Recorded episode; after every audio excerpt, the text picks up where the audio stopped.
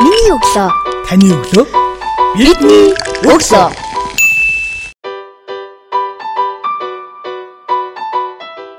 Сонсогч танд шинэ 7 өдрийн өглөөний мэндийг хүргэе. Миний өглөө сурал подкаст ээлж дугаар танд хүрч байна. Бид энэ удаагийнхаа дугаартаа зураач, загвар зохион бүтээгч булгантай ярилцж байна. Юуны өмнө танд шинэ 7 өглөөний мэндийг хүргэе. Бидний урилгыг хүлээж авч ярилцсан танд маш их баярлалаа. За баярлалаа. Та бүхэнд бас шинэ 7 өглөөний мэндийг хүргэе. За таны өглөө хэрхэн яаж эхэлдэг вэ? Миний өглөө ер нь бол өглөөс ирээд өглөөнийхөө цаг уухаас ахуулаад йог, бясалгал өглөөд нэг 10 20 минут хийх хичээдэг. Аа тэгээд араас нь залгуулад бэлдээд өргөө бэлдээд ажиллаа гардаг өглөө болгон. Өглөө болгон босоод хамгийн түрүүнд хийдэг сэрэнгүүтээ хийдэг дадал зовшил бас үйлдэл би юу тийм үйлдэл байдаг л та хамгийн түрүүнд юу хийдэг вэ? Хамгийн түрүүнд би өглөө босонгуудаа усуудаг. Цэвэр ус нэг 2 аяга цэвэр ус уугаад тийм биеэ сайхан бэлтэж агаад. Өдрийн төлөвлөлтөө юун дээр хөтэлдэг вэ? Өдрийн төлөлтөө ер нь бол утсан дээрээ тэмдэглээд нөт дээрээ тэмдэглээд явцдаг. Аа тэгээд нийтдээ нэг сараараа төлөвлөлөө тухайн өдөртөө яг амжуулах эсвэл туслагдсан ч юм оронд нь хүч ирэх боломжтой ажлуудаа ингээд өөрчлөөд нөт дээрээ тэмдэглэждэг. 7 хоногийн юм эсвэл 24 цагаар авч юм бол таны хамгийн бүтээмжтэй цаг үе идэдэг вэ? Хамгийн бүтээмжтэй цаг үе надад илүү бас өглөөгөр санагддаг. Эртхэн уулзалтуудаа товлоод хүмүүстэйгээ уулзаад амжуулах хэвээр ажил байвал амжуулаа бас гадуур суугаад кофе уугаа ажиллаа төлөвлөх ч юм уу те компьютер дээр сууж ажиллаа хийх надад илүү бүтээмжтэй. А үдээс хоошдоо яг бас тодорхой хэмжээний хийх шаардлагатай ажлуудаа амжуулчаад аль болох эрт амрахыг аягүй хичээдэг. Яг одоогоор ямар ажил дээр төлөвлөж ажиллаж байгаа та?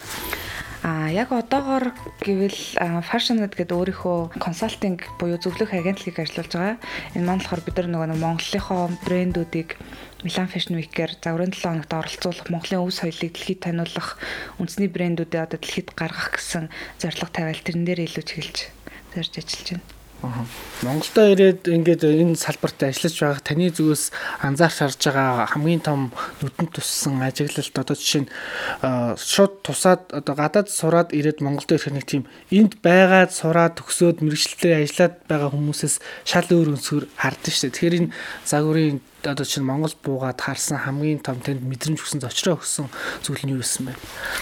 Аа мэдрэмж зочроо өгсөн бол бид нар тасар их баялаг байсан. Uh -huh ноос, ноолуур, нэхий те ашиглах боломжтой маш их баялаг тэрийгээ бид нар дэлхийд гаргах хэрэгтэй юм байна. Өшөө илүү ингэж таниулах хэрэгтэй юм байна гэдэг тийм зүйлийг би маш сайн олж харсан.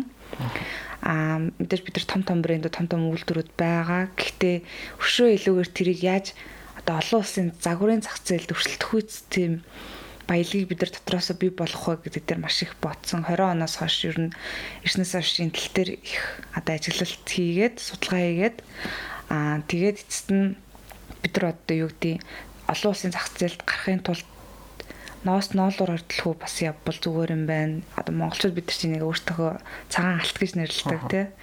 Тэр тэрийгээ бас илүү ингээд таниулаад өшөө боловсронгуй олгоод хөгжүүлээд явбал бид нар тасар их нөөц болцоо байгаа. Тэ энэ сайхан байгаль, цаг уур.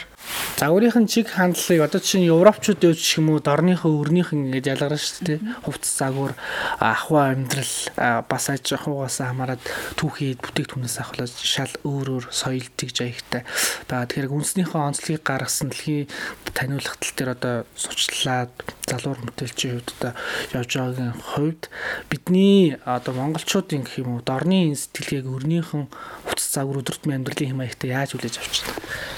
Аа тийм энэ дээр би саяхан манай багийнхан ярилцж байгаа бид нар шинэ концепт гаргасан. Тэр маань юу гэхээр одоо бидэрт нөгөө нэг домог яриа те хуучны ярианууд ном зохиол маш их байдаг. Тэрэн дээр дүрсэлж байгаа хувцас тэр гоёл чимэглэл одоо бид нар нөгөө нэг өөртний гэсэн Монгол үндэсний асар их баялаг өөртөө гэсэн одоо нөгөө нэг цуглуулгатай тий.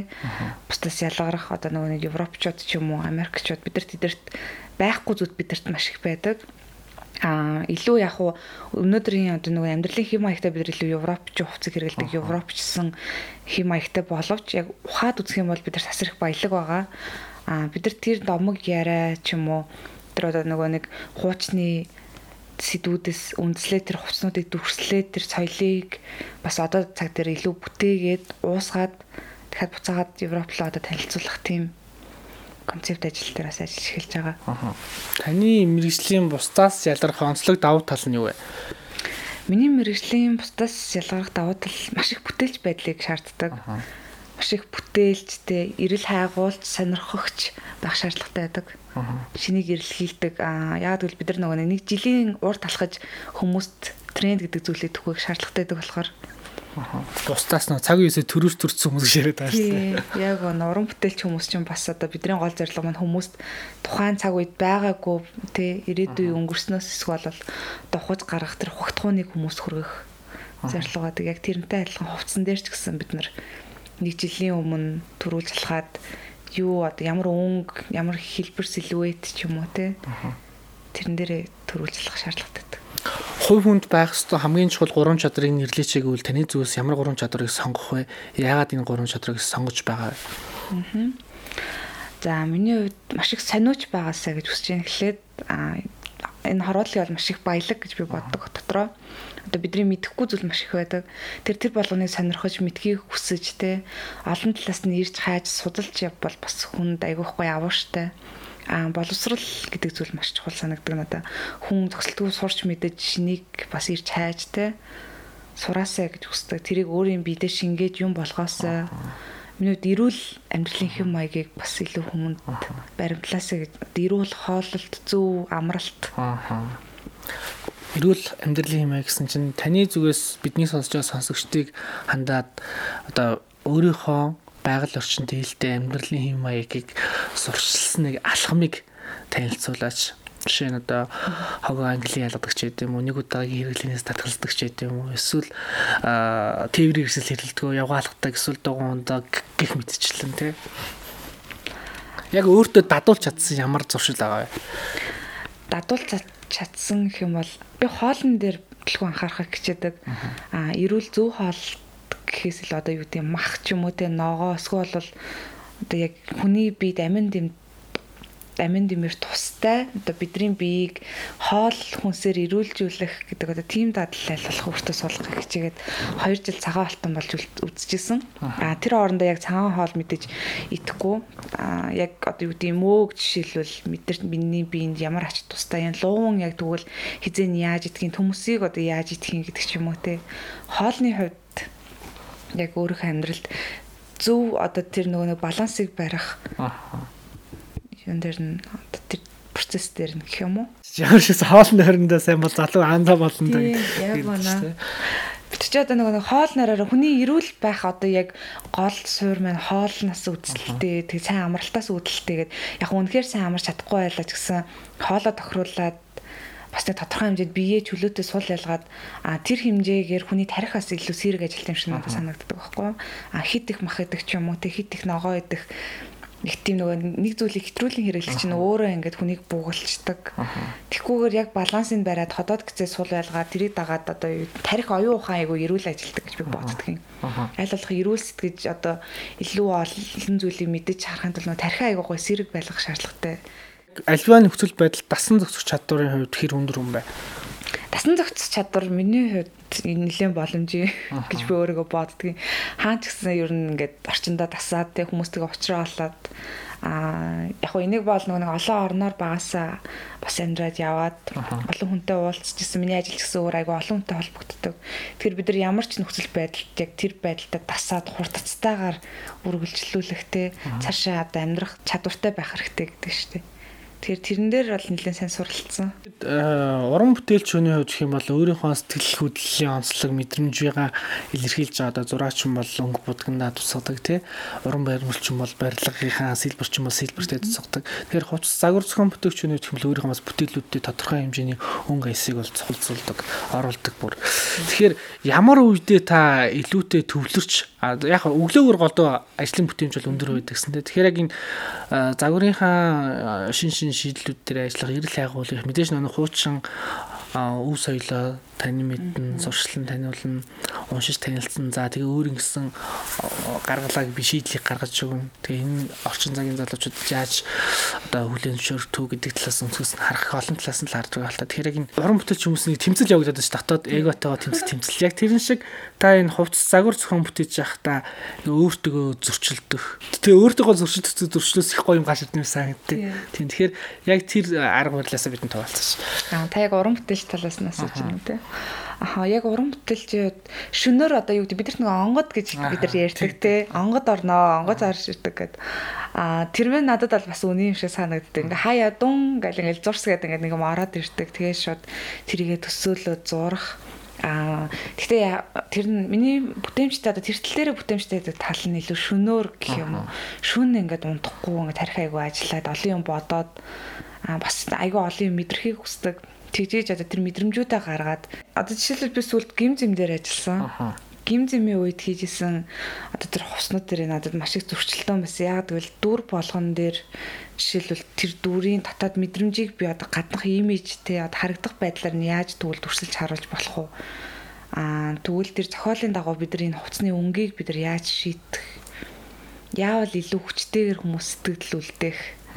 Тэ одоо жишээлбэл биеийн үнэлэгч одоо Соня гэдэг дүр биеийн үнэлэгчийн дүрийг би тэгвэл яаж тэр цэвэр ариун юм шиг надад тий дотроо тэр байгаа гоё сэтгэлийг би юугаар илэрхийлж чадах уу гэд маш их тийм зөрчилтэй мэдээ мэдээж үүсдэг. Тэгээд тэрийг бол бас айл болох яг өөрийнхөө хүснээр гаргаж илэрхийлэх гэдэг бас мэдээж хэцүү. Одоо жишээл тархиндаа сэтгэлдээ нэг том зураг харчаад байдаг. Тэрийгэ буцаагаад зургаар ингээд цаасан дээр буулгахад яг хүснээр заримдаа болдог ч юм уу те.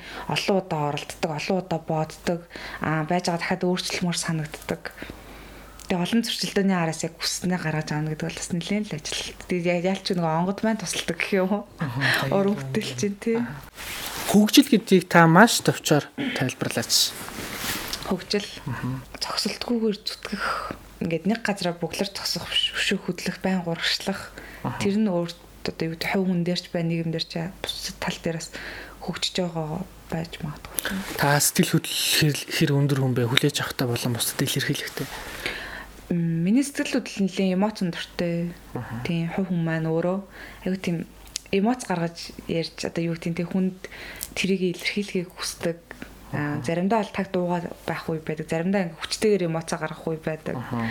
Аа нэг талаараа энэ маань найз нөхөж юм өргөн тойрны хүмүүст нэг жоохон хэцүү санагддаг. А нөгөө талаараа болохоор бас илүү нөгөө нэг өөрийгөө чөлөөлөхтэй ингээд бас хүмүүстэй илэн талангуу харьцах ч юм уу тэрэн дээр аягүй хэрэгтэй. Мэдээж залуу мэрэгчлэн яг өөрийнхөө эзэнсэн мэрэгчлэгээ сураад төгсөөд ажил хийгээ явж байх үед ингээ шантрах хан мөргөхтэй асуудал бэрхшээлүүд бол тулгарна дүрмийн дагуу. Тэрнээс шууд ингээд лифтэн суудсан шиг тийшээ өсөж явахгүй шүү дээ бидний амьдралын өсөлт, уналт бүх юм тэндээсээ биднээс суралцаа явдаг. Тэгэхээр яг ийм асуудал бэрхшээл гарсан үедээ, зөрчилдсөн үедээ хамгийн түрүүнд хэнийг сонсдог вэ? би хамгийн түрүүнд одоо хэцүү байвал ээж рүүгээ ярьдаг. Хэцүү байна би ингээд байна. Би одоо яах вэ гэд. А манай ээж бол надаа маш гоё зөвлөгөөнүүдийг өгдөг. А тэр нь болохоор мэдээж тэр асуудлыг бол шийдэж чадахгүй л дээ. Гэхдээ одоо юу гэдэг бити шантраа уунаа чи өнөөдөр ингээд энэ хүртэл зорж ирсэн гэдэг ингээд аяга хүч өгдөг гэх юм уу. Аа тэгээд яг хөө бүр ингээд 7 хоногор сараар ялуу болчмоор санагддаг.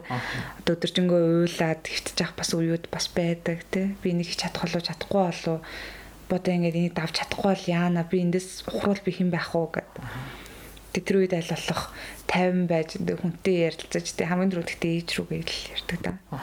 Мэдрэмж бүрээ бусад илэрхийлэх бол шаардлагагүй тий ер нь уран бүтээлчүүний хувьд ингээл нэг альва нэг зүйлийг чинь хүмүүс ингэ тайлбар одоо зураачийн хувьд энэ зураг яаж зурсан бол энэ зургийн гол утга учир агуулга нь юу юм бол тэр зургийг харснараа хүн тэр нэг үнсийг олж харснараа л бусдаас илүү урлагийн мэдрэмжтэй болчих юм шиг тий. Тим хүлээлтүүд их үүсгээд байдаг ш. Тэнгүүд тэр болгон дээр ингээл яруу наригч хүн хүртэл дөрв мөрчил тэрийг би нэг охин дурлсан байхгүй тэгээ битсэн байхгүй гэж тайлбарладаг үстэй. Тэгэхээр ингээд юм мэдрэмжээ илэрхийлэх албуу гэдэг дээр хойлоо санал нийлж байгаа бол мэдрэмжээ илэрхийлэх үгүйсээ болоод харамсчихсан тохиолдолд би юу? Надад тийм харамсчихсан тохиолдол бол байхгүй. Яг ингээ ботход а яг л тэр одоо мэдрэмжийг гаргаад одоо нэг уран бүтээл гарлах тэр бол миний тухайн үеийн мэдрэмжээс гарсан бүтээл. А уран зураач хадал дээр жишээлбэл намайг яг эмоцороо зурдаг гэж одоо кураторууд дүгндэг талд тэгж дүгнэгдэжсэн. А тэр нь болохоор одоо модернист зураач гэж явдаг байхгүй. Тэр нь би тухайн мөчөд мэдэрсэн эмоци уран зураг олгож гаргадаг гэсэн өнгөөр те одоо цэцгээр илэрхийлдэг өөрийнхөө мэдрэмжүүдийг. Аа тэгтээ тэр мэдрэмжийг би ингээд гаргах гаргаад хин нэг нь тэрийг заавал тайлж уншаасаа гэж би хүсдэггүй. Яг гэвэл зүгээр тэр хүн миний мэдрэмжтэй тэр хүний мэдрэмж тухайн цагт огтлцож ивэл миний хэлэх гээд байгаа санаа тэр хүнд хүрсэн гэсэн. Тийм бусдаар бол би заавал тэ хүн болгон таалагдах ч юм уу хүн болгонд зориулсан бүтээл хийнэ гэж байхгүй. Аа бидний гол ялгарх юм маань бидний дотоод тэр мэдрэмжээ хүчтэйгээр илүү бид нар яаж хүргэхгүй л гэж боддог да. Тийм маадгүй хүн бүхний мэдрэмж гоц мэдрэмж өөр өөр учраас амьдралд одоо маш гайхалтай сод бүтээлүүд гараад тэрийг хүн бүхэн ингээд шимтэн үзэж сонсож амталж байгаа шүү дээ мэдэрч байгаа. Таасаа энэ нэг зурцар зогом загвар зохион бүтээч гэдэг өнцгөөс ярьсан бол одоо нэг юунаас зураач гэдэг мэрэгжлийн талаараас тэр бол Ер нь яг энэ мэрэгчлээ багаасаа байхдаа сонгосон уу эсвэл гэр бүл хамт олон багш найзуудын нөлөөлөл байсан уу? Багаасаа сонгосон. Ер нь бол аа баг 4 настайгаас л зурж эхэлсэн гэж манай гэрхэн ярьдгийн. А би 10 жилд байхдаа л дунд сургууль тахта би ус дизайнер болно гэх бүх төчрийнхээ ард ингээд эмхтэн хүн зурчдаг. Тэгээс хөл зураг зурчдаг би зураач болно гэдэг. Аа тэгээд явж байгаа шүтээсийн дизайны лицэд 10 жилээ төгсчихсэн. А тэр маань хар уран зураг одоо миний зохиомж сэтгүүн сэтгүүг айгуу сайн зааталж өгөөд аа тэгээд сургуулаа төгсөөд Монголын төрөлх хөрлөгийн академид усны зураач дизайнер гэдэг одоо хослсон мэрэгчлэр ороод аа яг хуу дагуу тал нь хоёр мэрэгчлэлтэй л төгссөн л да. Зураач зургаач зураачтай тий. Тэгээд ингээ хувцас хийждэг. Гэтэ миний хувь хүнний талаас харахад бол хувцас дизайнер гэдэг мэрэгжил маань миний одоо амьдрал дээр яг хийж чаддаг зүйл. Миний ингээд яг маш сайн мэрэгжил болгож эзэмшиж авсан зүйл гэсэн үг. Аа харин зураач маань бол миний цэвэр хобби, тэг миний дуртай өөрийгөө илэрхийлэх гэсэн талынх азар гэдэг шиг хоёулыг нь айгуу сайн тэнцүү баланслаад бариад явцсан. Тэгээд Италид очиод Италийн шилдэг 12 зураачийн нэгээр тодорхой драмд үзэсгэлэнгээ гаргаж ирсэн тухайн үед хамтарсан үзэсгэлэн.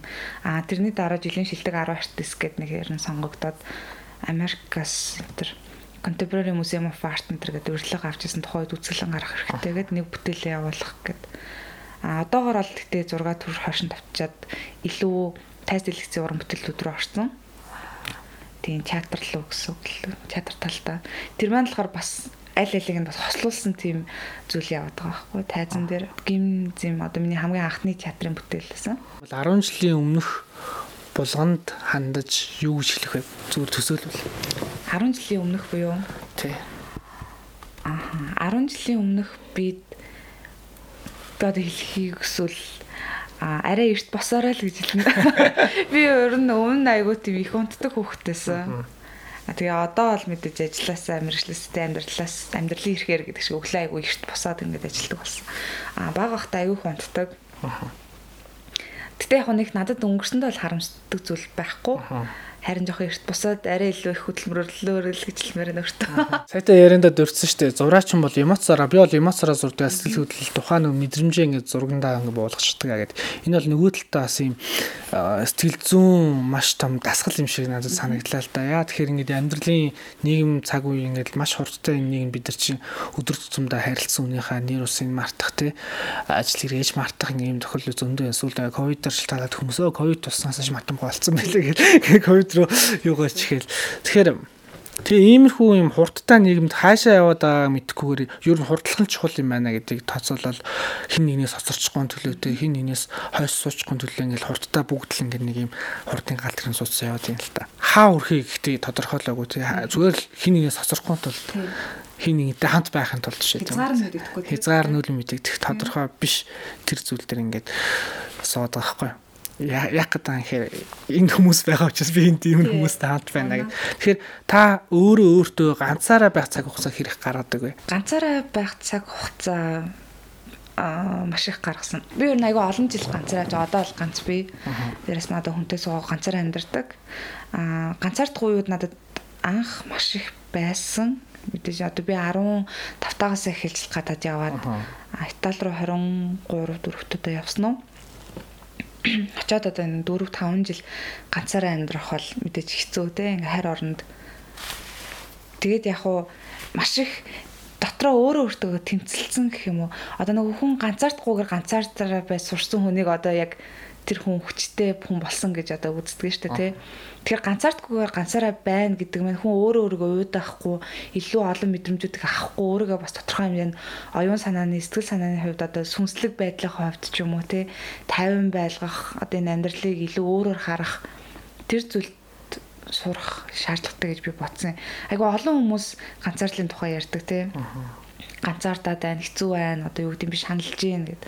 Гэтэ хүн заавал ганцаараа байлаа тэр болгон мэдрэмжүүдийг авах шаардлагагүй. Яг уу заримдаа ганцаардаад гоё мэдрэмжүүдээ мэдэрч болно. Бас тэр чинь нөгөө нэг амьдрал байх хэвээр мэдрэмжүүдийн нэг штэ тий. Яг хүн байн хүнтэй хамт байна гэж байхгүй. Аа гэтээ тэр мэдрэмжээ даваад гарчхад ямар ч хүний хажууд байж чадхаар юм шиг надад санагддаг байхгүй юу? Ямар ч хүнтэй байж чадна тий. Тэр хүн байхгүй байсан ч байж чадна. Одоо нөгөө нэг амьдрах тэр хүний тэмцэж амьдрах тэр нөгөө нэг хүчийг өөр өөрөөсөө бий болгох дархлаатай болсон.